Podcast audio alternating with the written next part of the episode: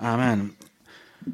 A múlt héten a húsvéti áprilisi eltéréstől, tehát hogy a húsvét kapcsán, meg vendégtanító kapcsán kicsit eltértünk a sorozatunktól, a tíz parancsolatot tanulmányozzuk február eleje óta, és azt a címet adtuk ennek a sorozatnak, hogy Isten szíve. Azért adtuk ezt a címet, mert hisszük, hogy a tíz parancsolaton keresztül megláthatjuk azt a szívet, azt az isteni szándékot, amivel a zsidó nép felé volt, amivel az emberiség felé van. Az ő szívéből jöttek ezek a parancsolatok. És ezért mi szeretnénk megismerni Isten szívét. Hogyan is szerető bennünket, miért fontosak neki ezek a dolgok. És így váljon a mi számunkra is mindezek a parancsolatok fontosakká és élőkké, hatókká, mint egy iránytűkké. Úgyhogy nézzük meg, hogyan szabadíthat meg bennünket a bűnigája alól. Most a második része következik a Ne őjnek. Múlt héten volt az első része ennek, aki lemaradt róla az Youtube-on, vagy Spotify-on, meg Apple Podcast-en, meg én már nem is tudom hány csatornán meg tudja nézni, vagy hallgatni. De a ne őj, ne gyilkolj parancsolat első részét tanulmányoztuk a múlt héten. Azzal kezdtük, hogy igyekeztünk külön választani, ugye eredetiben a ne gyilkolj lett volna a jó fordítás, a ne őj az kevésbé jó a magyar nyelvben, hiszen ugye az egész Bibliát átjárja az, hogy a bűn zsoldja halál. A mózesi törvényekben több esetben is konkrét bűnöknél azt mondja, hogy ez a bűn, ez olyan súlyos, hogy ez halált érdemel. Sőt, a bűn miatt Isten feláldozza az egyetlen fiát, úgymond Isten megöli az Istent, megöli a saját gyermekét. Isten annak ellenére azt mondja, hogy bizonyos helyzetekben, mózesi törvények alatt élve teljesen egyértelmű ez. Bizonyos esetekben az a teremtett lény, aki Isten képmására lett teremtve, annak is el kell szenvednie a halál büntetését, mert nem élhet tovább az, aki bizonyos dolgokat elkövetett. Több esetben a törvény szerint kioldható az emberi élet. Isten az emberi életet, és akkor most elmondom a másik oldalát is, különleges értéknek minősítette. Azt láttuk múlt héten, hogy senki nem veheti el csak úgy az, az emberi életet. Sőt, senki sem mondhat le róla. Ugye ezek ilyen nehéz dolgok, amikor uh, depresszió van, amikor halálos betegség van, akkor, akkor ezek, ezek nehéz és terhelt mondatok. De Isten ezt mondja, hogy ő adta az életet, ő veheti el az életet. Nem gyilkolázhatunk kedvünkre ez is benne van. Nem vehetjük el más ember életét. Isten az élet szerzője és bevégzője, így fogalmaz a Biblia. A mi feladatunk, hogy harcoljunk minden egyes emberi életért, amíg egy pici remény is van. Akár arra, hogy fizikai életben maradjon, akár arra, hogy, hogy megtérjen nem engedhetjük el ezt a harcot egyetlen egy emberért sem. Beszéltünk arról, hogy sem helyzete, sem állapota, sem egészségi, sem nemzeti hovatartozás, sem semmilyen minőségéje szerint nem mondhatunk le egyetlen egy emberről sem. Minden emberi élet meg kell, hogy viselje a lelkünket, mert elveszítettünk egy kincset. Minden emberi élet, azt mondtuk, Isten miatt értékes, végtelenül értékes. Egyéni és közösségi feladatunk is van ezek az emberek iránt. Az élet szerzője és a legnagyobb védelmezője az Istenünk. Ő azt mondja, hogy minden egyes életért küzdenünk kell. Nem csak tettel, de szavakkal, gondolatokkal is lehet ölni, erről is beszéltünk múlt héten, emlékeztek, mondtam azt, hogy, hogy néha mondunk valamit, és meghal az a barátság, meghal az az emberi kapcsolat. Eltelt egy nap, és egy nagyon kedves barátom olyat mondott, ami napokig tartott, mire feldolgoztam, hogy hogy gondolhat, hogy mondhat valaki ilyet. Szóval rögtön tapasztaltam is azt, amit prédikáltam előző nap, és elszenvedője voltam ennek olyan szinten tud bántani egy-egy kimondott szó.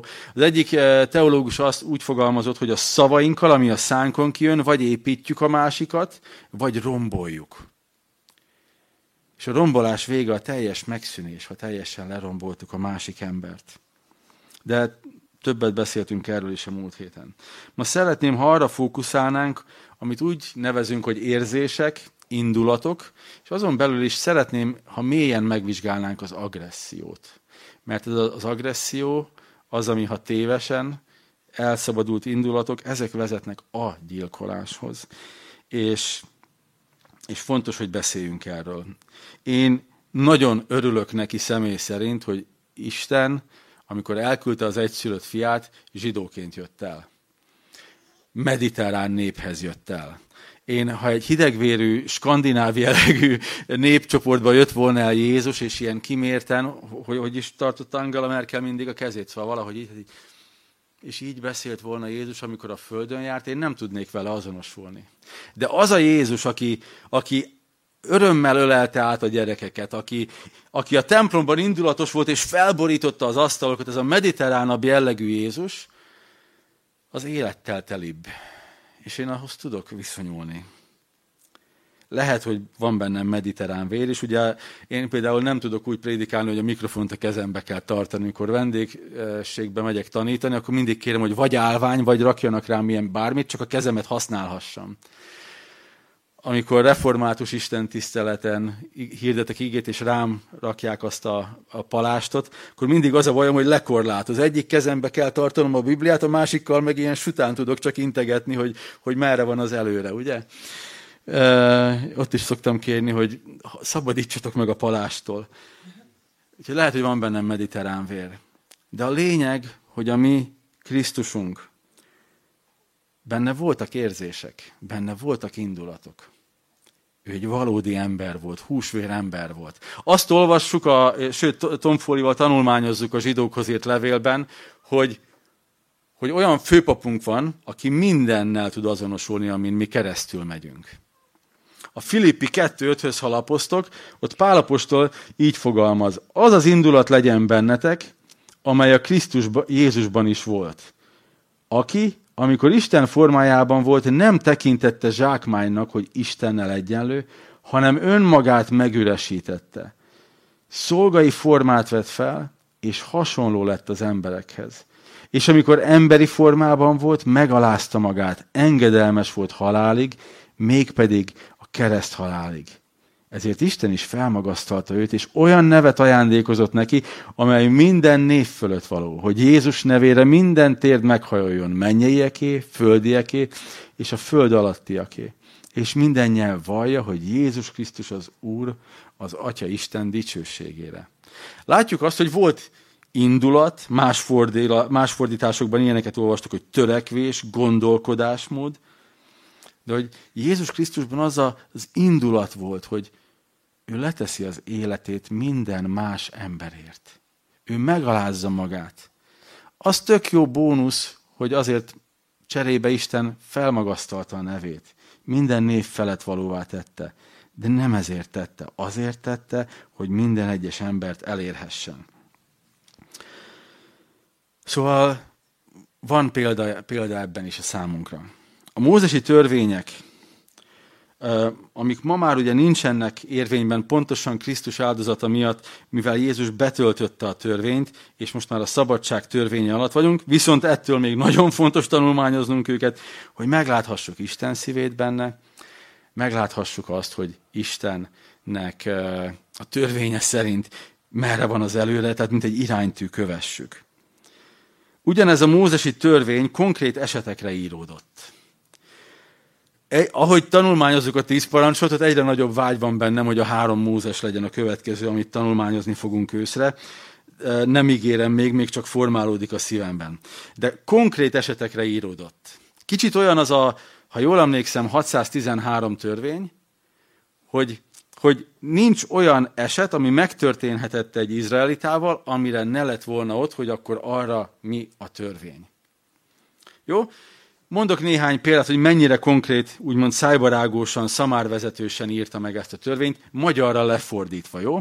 Más ára és más költsége van annak, ha nem kötöd be a biztonsági jövedet, és úgy vezetsz. Ki tudja, mennyi a bünti? Tízes. Nagyon jó. Nagyon jó kérdés, hogy én ezt miért tudom. Igen, igen, igen, igen.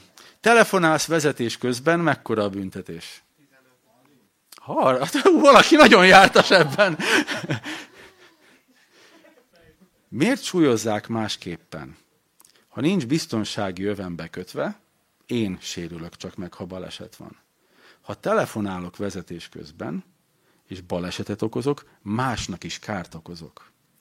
Ugyanígy, és majd tényleg remélem, hogy lesz rá lehetőségünk, hogy a három Mózesben ezt megnézzük, Isten is ugyanígy súlyozta nekik, hogy vegyétek észre, amit magatok ellen követtek el, az se jó, ez is bűnáldozatot követel, de amit mások ellen követtek el, az sokkal súlyosabb. Szóval az arányosság elvét követi a mózesi törvény is. És tényleg csak így, így beleugrottunk egy picit ebbe, csak akartam egy kis ízlelést, íz, ízelítőt adni nektek. Ígértem, hogy az agresszióról lesz szó. Minden emberi érzés vagy indulat valójában Isten től származik, és Istenre mutat. Még az agresszió is. Tudom, hogy az így elsőre nagyon durván hangzik, de létszi, még ne kövezzetek meg. Várjatok egy picit. Az agressziót tudjuk helytelenül is használni, és sajnos csak ez marad meg bennünk, vagy ez általában ez az, ami jobban megmarad bennünk, hogy valaki egy agresszív, bántalmazó állat. De mivel Isten hasonlatosságára lettünk teremtve, érzéseink is arra lettek teremtve, ennek kell, hogy legyen egy helyes és jó formája is. És az, hogy az ember a bűneset miatt rosszul használja ezt, rosszra használja ezt, az nem szabad, hogy kiírja az emberiségből a helyes használatát ennek, a helyes létezését ennek. Mondok egy példát, lehet, hogy majd többet is. Emlékeztek, az előbb említettem már, hogy Jézus a templomi árusokkal szemben, hát mondhatjuk nyugodtan, hogy agresszíven lépett fel. Valószínű nem úgy borította fel az asztalt, hogy elnézést, álljatok félre, szeretném felborítani az asztalt, ha megengeditek, ugye? Nem így volt. Annyi volt, és ezt nagyon szerettem, a galambokat felemeltette, odaadta valakinek, és utána borította az asztalt. Ez megvan? Galambászat, madarászat területén, ha bármelyikőtök egy kicsit is jártas, bezártan, nagyon sok madárfaj, a galambok különösen, ha ketrecben vannak, és ütés éri őket, szívrohamot kaphatnak és meghalnak. Tehát Jézus agresszív volt, mert elege volt abból, hogy, hogy ö, ö, kereskedelmet csináltak a templomból, felemelte a galambokat, odaadta az árusoknak, és aztán borított, és aztán ostorral csapkodott. A bűnt támadta, de kontrollálta az agresszióját. Majd egyszer arról is fogok, mikor majd arról tanítok nagyon részletesen beszélni, gyönyörű. De attól még ugye hogy az agresszió Istentől kapott érzés nem legitimizál semmilyen jogtalan erőszakot, ezt azért szeretném leszögezni. Viszont jelzi azt, hogyha igazságtalanság van, törvénytelenség van, akkor igenis lehetek felháborodott. Igenis helye van az agressziómnak. Úgynevezett szent harag lehet ez az indulat és agresszió ilyenkor bennem. Az Istenünk sem volt gép. Báb sem. Bennünket se robotoknak, vagy báboknak teremtett, akiknek nincs érzésük, csak csinálják a dolgokat. Ugye? Érzésekkel vagyunk teremtve, és igenis lehet haragunk. Jézus örült, Jézus mosolygott, élvezte az ételeket, a közösséget, és igen, gerjedt haragra is. Voltak indulata is. Azért helyezte az érzéseket is belénk, mert ezek isteni attribútumok. Csak helyesen kell őket megélnünk. Azért helyezte belénk, hogy élvezzük a dolgokat. Képzeljétek bele, hogyha nem lenne örömérzésünk. Hát, finom volt ez az ebéd, ugye? Köszönöm, hogy elkészítetted. Nem, nagyon jó volt. Azt olvastuk az előbb a Zsoltárban, hogy öröm az igédet olvasni. A törvényedben gyönyörködöm. Ezek mind érzések. És igenis, haragudhatunk, amikor istentelen dolgot látunk. Azért is vannak, hogy védjenek bennünket az érzéseink. És Istenre is mutassanak. Mondok még néhány dolgot majd mindjárt.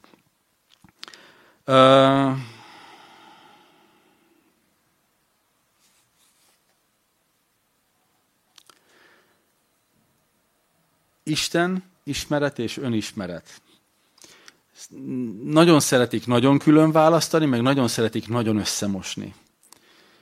Mindkettőnek fontos helye van az ember életében. Istenen keresztül megismerhetjük önmagunkat is, viszont önmagunkat megismerve is rájöhetünk arra, hogy mennyire fantasztikus a mi Istenünk, akinek a hasonlatosságára lettünk teremtve. Nagyon fontos az agresszióval kapcsolatban, hogy miért vagyunk agresszívak, vagy mi ellen vagyunk agresszívak.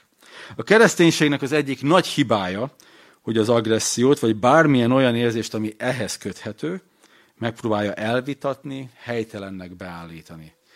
Nem lehet dühös, nem szabad, hogy mérges legyél, az nem keresztényi. Hát, megint csak maradhatunk az asztal borogatásnál, akkor Krisztus se volt eléggé keresztényi. Ugye? Megpróbálja a kereszténység gyakran elvitatni. És nyilván abból a leegyszerűsítő hozzáállásból fakad, amit a felszínesség és a képmutatás táplál a kereszténységben. Nem a mély Isten ismeret, hanem az, hogy hát a kereszténynek ilyennek kell lennie. Felfestünk egy ideált, aminek, ami nem a Bibliából gyökerezik. A keresztény az sohasem indulatos. Nem hiszem. Tehát van olyan, hogy rossz napja van az embernek. Én hallottam már ilyenről. Tudom, mindenkinek csak a szomszédjával fordult elő ilyen, meg az ismerősével, meg a munkatársával. Ti mind szentek vagytok, soha nem volt még rossz napotok. Ugye? És mindenki bólogat, jól van. Tehát, hogy van ilyen. És ilyenkor ez bűn, amikor jogtalanul vagyunk, nem tudom én, rossz indulattal mások felé. De bocsánat, ha éppen vernek egy idős nőt a négyes, hatos villamoson, akkor igenis szent harag gyűlik bennem. Hívom a rendőrséget, hogy a következő állomásnál már ott legyenek, és megyek oda, és állítom le őket. Igaz? Egy ismerősöm egy szórakozó helyen látta, hogy egy lánynak az italába dzsinát raktak. Négy fős fiútársaság, két lánynak csapta a szelet. Szerintetek mit csinált ez a két fiú? Lelökték a poharat, ez a négy fiú neki esett ennek a másik kettőnek. És nagyon sok verést kapott ez a két fiú, mert négyen kettő ellen azért több esélyük volt, még ha ezek edzett emberek is voltak. De a lányt megmentették. A lányt nem erőszakolta meg senki. És egy életre megtanulta valószínű a leckét, hogy ne bízzon ismeretlenekben. És akkor a kérdés, hogy jó volt-e ez a cselekedet? Szerintem igen. Szerintem tök jó, mert megmentették a lányt, a fiúknak megmutatták, hogy igenis van olyan, hogy nemes áldozat. Én állom a verést a gyengébb védelmében. Szerintem ez abszolút biblikus volt. És tudjátok mit? Az egyikük nem is volt hívő. Szóval vannak ilyen helyzetek. És akkor mondhatnám, hozhatnám itt be a második világháborút, amikor keresztényeknek azért kellett harcolniuk, életüket adniuk, hogy, hogy zsidókat mentsenek. És jól tették. De erről még többet fog mondani a vége felé. Igenis vannak ilyen helyzetek. Nem szabad azt mondanunk, hogy az agresszió mindig rossz. Isten, azt látjuk a Bibliában, hogy Isten bizony tud agresszív lenni, csak őt mindig tudja a megfelelő határt, a mértéket. És azért, mert mi néha elrontjuk, a legjobb szándékkal is, attól még nem szabad ezt elfolytanunk, meg negligálnunk. És ahelyett, hogy azt tanítaná a kereszténység, hogy hogyan legyünk biblikusan, urai, a szent haragunknak, az igazság védelmében, az elnyomottak védelmében, ehelyett ne legyél agresszív, ne csináljál semmit. Ugye megint csak egy nagyon nemes dolog, Martin Luther King Jr. például. Ugye? Az erőszakmentes ellenállást választotta az afroamerikai lázadásnál, az elnyomott afroamerikaiak lázadásában. Az vitte győzelemre. És egy tök jó dolog. De ettől még nem jelenti azt, hogy soha nem szabad harcolniuk az embereknek a jogaikért. Nagyon fontos. Gandhi is ugyanezt csinálta, ugye? Onnan jött a, a, a, a példaötlet egyébként. Ő neki pedig a Bibliából. Nagyon érdekes, ahogyan így körbeérnek a dolgok. Aztán Philip Jensinek, keresztény írónak az egyik legnagyobb példaképe Gandhi volt, de zárójel bezárva. Körbeér a kör. Nem megtagadnunk kell az érzéseinket, helyesen kell megélnünk őket. Nagyon fontos lenne, hogy olyan keresztények legyenek, akik erre képesek, olyan férfiak, akik megvédik a nőket, akik megvédik az elnyomottakat, akik kiállnak az igazért. Ja, inkább nem mondjuk, mert azzal megbántjuk, ez a legkicsinyített változata. Ha szeretem a testvéremet, akkor elmondom neki. Onnan fogja tudni, hogy szeretem. Figyelj, nem jó irányba mész az, amit mondtál, az bántó.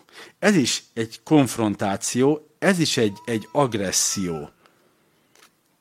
Mert szembeállok vele, és azt mondom neki, hogy ez nem jó irány az életedben. Ez a szeretet. Én nagyon szeretem, amikor megfednek. Nagyon hülyén hangzott ez a mondat, tudom. De akkor tudom, hogy számítok annak a másik személynek. Az egy másik dolog, hogy gyakran van igazuk azoknak, akik megfednek, de akkor viszont van mind dolgoznom, ugye? Van mit Isten elé vinnem, hogy atyám, ezt tényleg elrontottam? Hol sodródtam el? Hol veszítettem el a fonalat, mennyei atyám? Formáld ezt át a szívemben, mert én nem akarok olyan lenni, aki bánt másokat a szavaival, a cselekedeteivel. Nyilván kivéve azt, amikor, amikor ez, ez helyén van. Mire, mikre látunk Isten esetében agressziót? Mi az, amit meg kellene tanulnunk? Istennél agressziót látunk a bűn minden formája ellen, lényegileg. Minden formája ellen. Nem csak azok a bűnök ellen, amik engem érintenek, de nagyon felháborítanak, ugye? Mondok néhány példát, jó? Nagyon szeretjük ezeket a, a... Csak azok a bűnök ellen háborodunk fel, amik bennünket nem érintenek. Hm? Ismerős? Nagyon tudunk haragudni.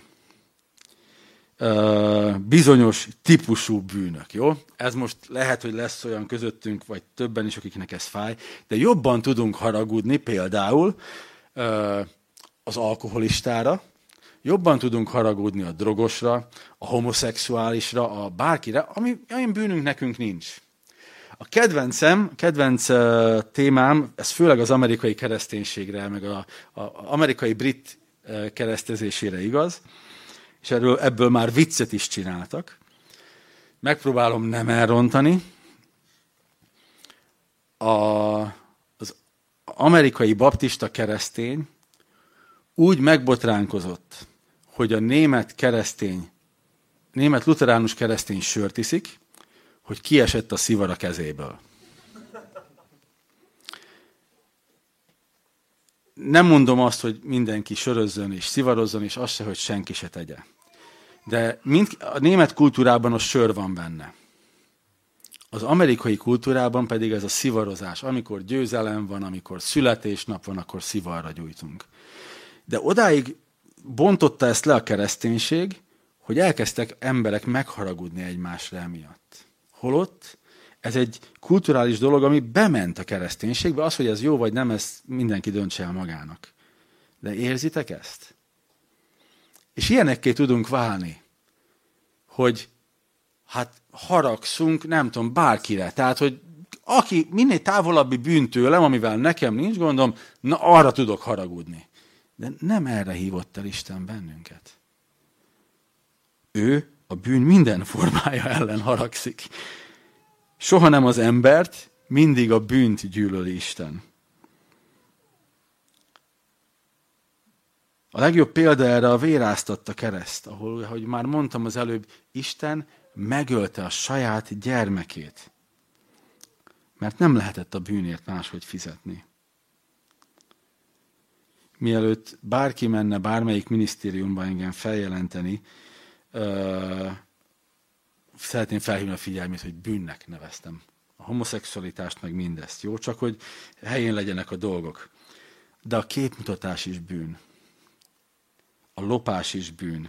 A gyilkosság is bűn. Ugyanezek az amerikaiak, ha már akkor az amerikaiakat szapulom, bűn a, az alkoholfogyasztás, de az, hogy te brutálisan túlsúlyos vagy, egészségtelenül túlsúlyos. Amerikában iszonyatos probléma. Nem, nem kövérek, nem egy-két kiló, nem 10-20 kiló, hanem akár 100 kiló túlsúly van rajtuk, az senkit nem zavar. Pedig van ilyen, hogy falánkság is. Én amikor utoljára voltam, voltam egyszer 2000-ben Amerikában, és aztán utoljára, fú, nem akarok butaságot mondani, 2009-ben is voltam, meg 2013-4-ben. És nagyon ijesztő volt látni 2000-ben, voltak ezek a, ez a nagyon túlsúlyos emberek, akik csak kocsiból is ilyen elektromos mopeddel tudtak bemenni a bevásárló központba, vásárolni nagy mennyiségben dolgokat, amiket aztán alig tudtak bepakolni a kocsiba, meg beszállni a kocsiba a túlsúlyuktól. 2009-ben ebből még több volt, és 2010 akárhányban én már sokkolódtam. Most elindult egy nagyon radikális változás Amerikában, hogy lefogyasszák ezeket az embereket az elmúlt évtizedben, de, de így azon rökönyödtem meg, hogy ez senki nem emeli fel a hangját a keresztény egyházban, hogy halnak meg az emberek emiatt. És csak azért hozom be ezt ennyire élesen, hogy érezzétek, hogy mennyire tudunk haragudni valami miatt, ami, ami bennünket soha nem fog megérinteni. Például a homoszexualitás bűne. Hát, heteró vagyok. Nem fog soha elcsábítani ez a történet. És könnyű elítélnem valami olyat, amit nem érzek át. Amivel nekem nincs küzdelmem. De mennyivel közelebb van, amikor, amikor van olyan barátom, aki homoszexuális, és van olyan közöttük, aki megtagadja, és nem éli meg a vágyait. Cölibátust fogadott. Az én szememben ő egy szent. Én ezt heteróként sem nagyon tudnám megcsinálni, nem hogy, hogy, hogy homoszexuálisként. Hívő, ilyen vágyai vannak, volt pszichológusnál, mindennel próbálkozott, nem tud mit csinálni. Egyet tud, neki Isten fontosabb, mint a vágyai. Példaértékű.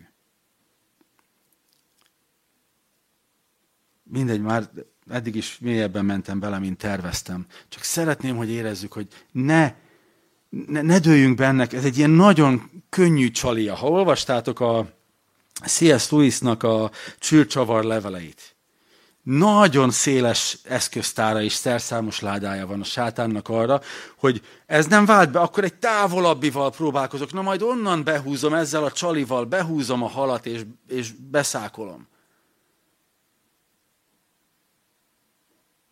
Ne dőljünk be.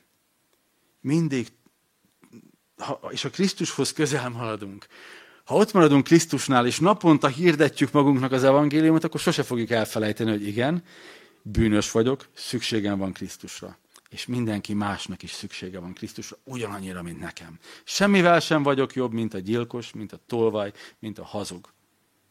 És nem gyűlölhetem végképp azokat az embereket. Ekkor van bennünk ugyanaz az indulat, ugyanaz a törekvés, ami Krisztusban volt. Mire látunk még Isten esetében agressziót? Hát látunk az elnyomás minden formája ellen. A törvényben is látszik ez, a zsidó történelemben nagyon gazdagon benne van. Az új szövetségi levelekben is újra és újra figyelmeztetést kapunk arra nézve, hogy Isten nem tűri, nem engedi az erőszakos elnyomását más embereknek.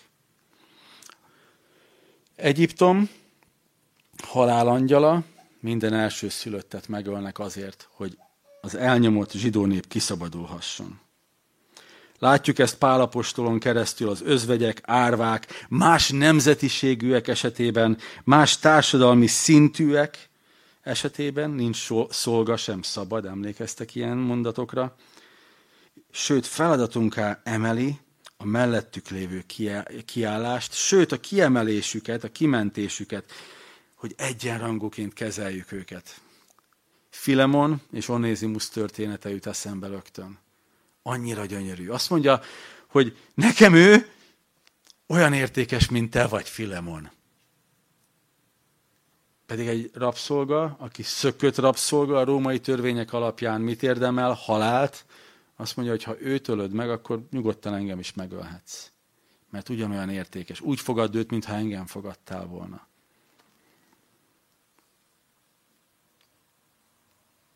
Mi ellen látunk még agressziót Istennél? Isten dicsőségének csorbítása ellen.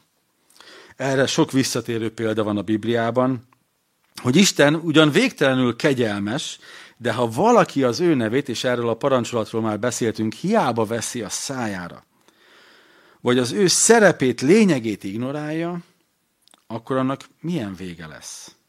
Csak egy példát mondok, Ananiás és Safira. Ugye? Ó, hát mi Isten nevében mindenünket odaadjuk. Helyszínen meghal mindkettő egymás után. Vagy, ha belegondoltok, látni fogunk még ilyen témában agressziót, Krisztus eljövetelekor, a végidőben, akkor elég keményen el lesz ítélve az egész világ. Látunk ilyet a gyerekek ellen elkövetett bántalmazás esetén. Jobb, ha malomkövet rak a nyakába, ugye? Az még mindig jobb, mint amit Istentől fog kapni az, aki gyermeket bántalmaz. Isten ezzel a Bibliában teljes vallásokat és népeket jelölt kiírtásra, ahol a gyermekáldozat bevett szokás volt, ugye? Jézus is tett tudalást arra, hogy hogy ez hogy is lesz. De ezért van indulat bennünk, amikor a gyermekünket igazságtalanság éri. Pár napja beszélgetett a feleségem egy másik anyukával, ahol a gyerekét az iskolában az egyik tanár, végzős, nyolcadikos, és még mindig terrorizálja. Már felvették az egyik legjobb gimibe a, a kerületben.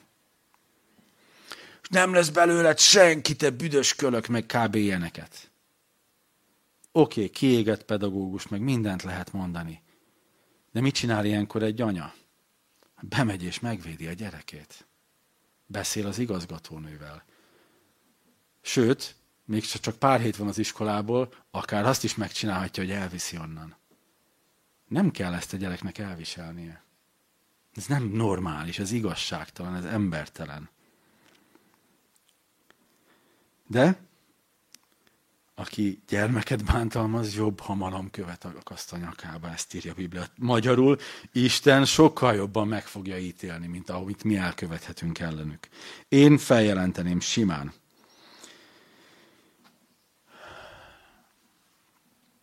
Isten kiárusítása, ugye már említett Jézus ostort készít, és azzal tisztítja meg a templomot. Miért is fontos ez, és én e- erre szeretnék egy, csak egy nagyon pici időt még szánni. Azt írja Pálapostól is, hogy ingyen kaptuk, ingyen is adjuk. Egy iszonyatosan nehéz teher az egyházon a pénz. És sokszor elbukik benne. Minden egyházi struktúrában láttunk már ilyet. Láttuk ezt. Tehát a judeokereszténység teljes palettáján nem, nem emlegetek végig mindenkit. Jó sáfárnak és jó gazdájának lenni, mindannak, amit, amit kap az egyház, akár a tagoktól, akár külső támogatóktól, akár állami támogatásoktól, nagyon nehéz. Úgy, hogy közben nem a gazdálkodásra figyelni. Hiszen hiszem, hogy amikor a mennyi pénz lesz a gyülek, akkor, én azt hiszem, hogy akkor csúszik el a dolog, amikor az kezd fontossá válni, hogyha ezt csináljuk, akkor több pénz lesz a gyülekezeti kasszában. Ha, ha nem prédikálunk a bűnről, többen fognak jönni a gyülekezetbe. Ez nyugaton nagyon bevett szokás. Felhígítjuk az evangéliumot ugyan egy picit, de sokan leszünk.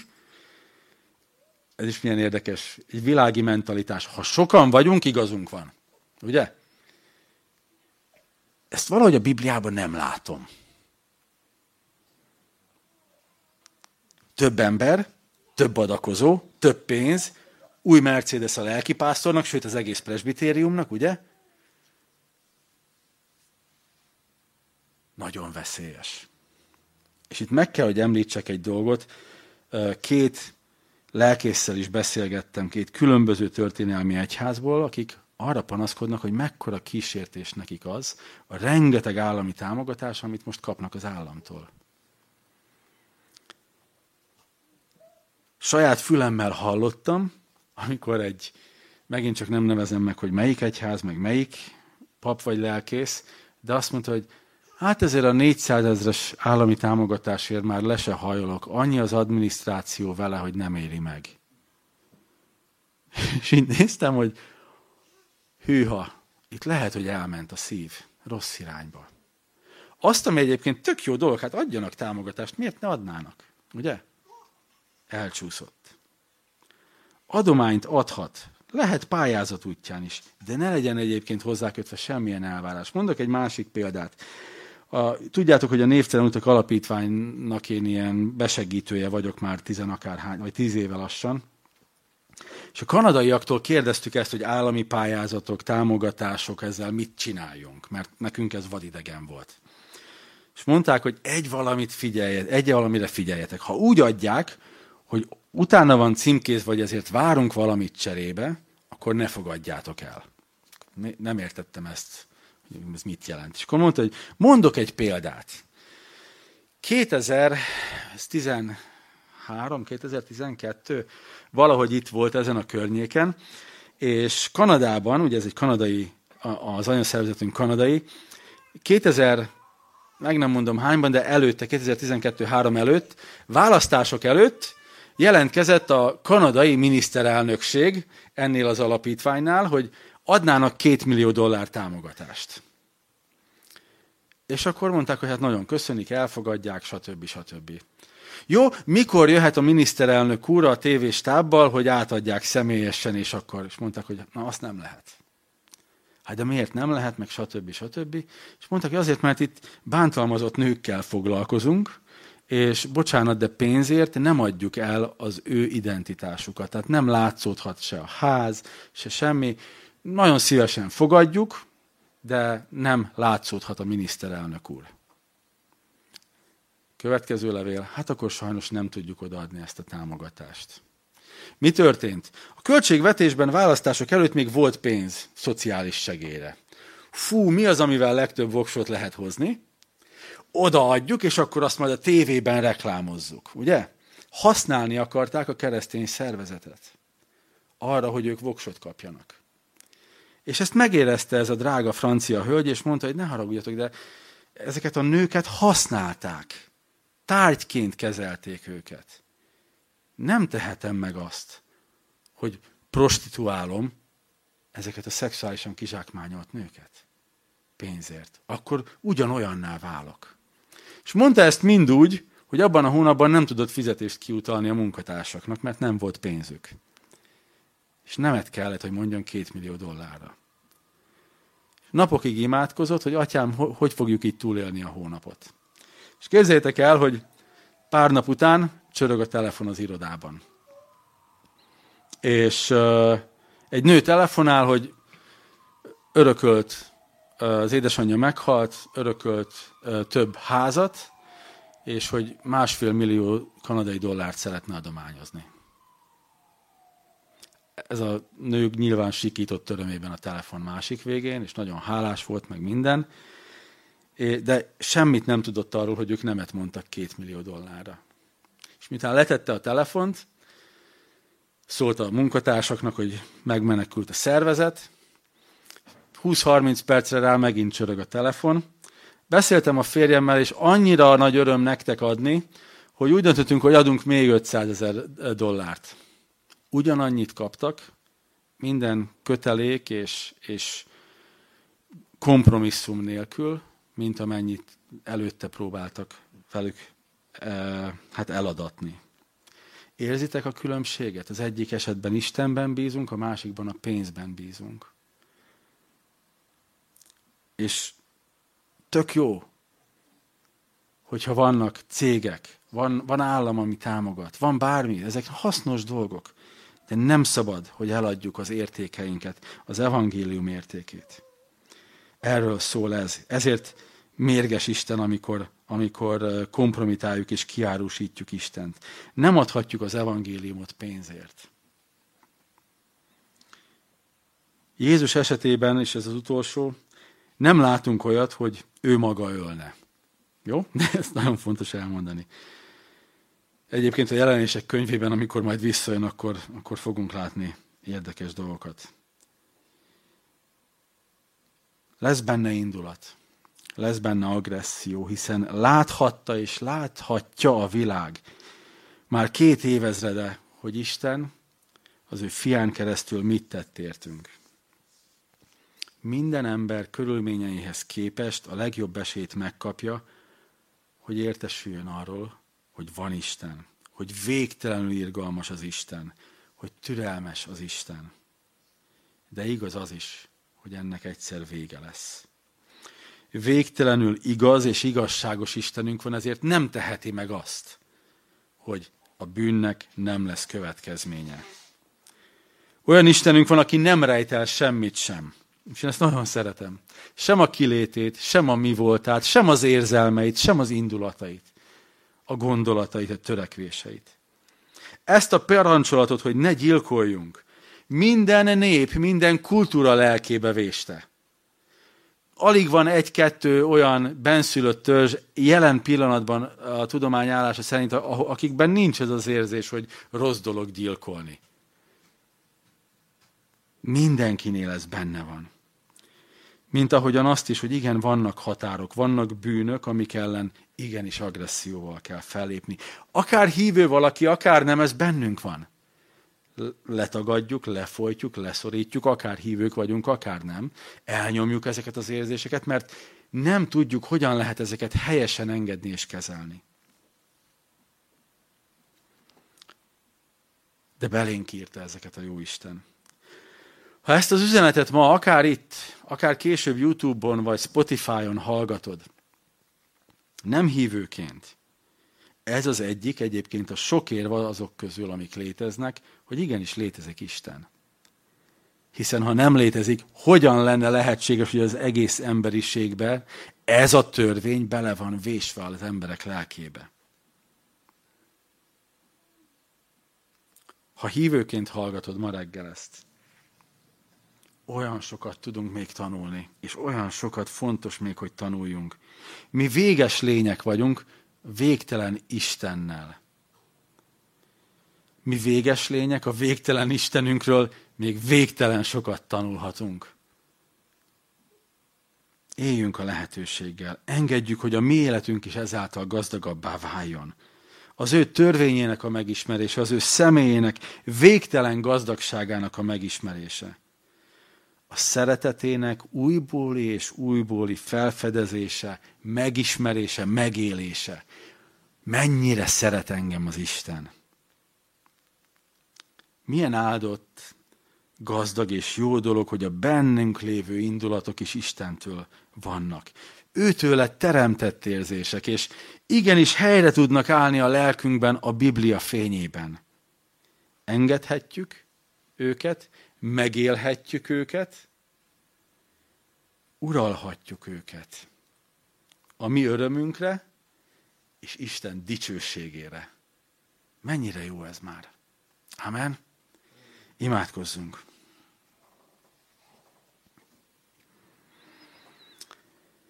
Mennyei atyám,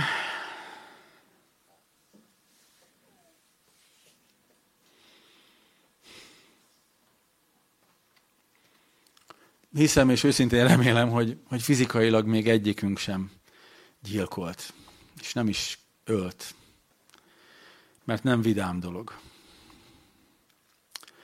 gondolattal, szavakkal sajnos már, már szerintem mindannyian elkövettük ezt. És kérlek, hogy ezt bocsásd meg nekünk. És köszönöm, hogy megbocsátasz. És köszönöm, hogy tiszta lapunk van. És azt is köszönöm, hogy, hogy olyan Istenünk vagy, aki azt mondod, hogy az igazságtalanság ellen, viszont igenis helye van a haragunknak.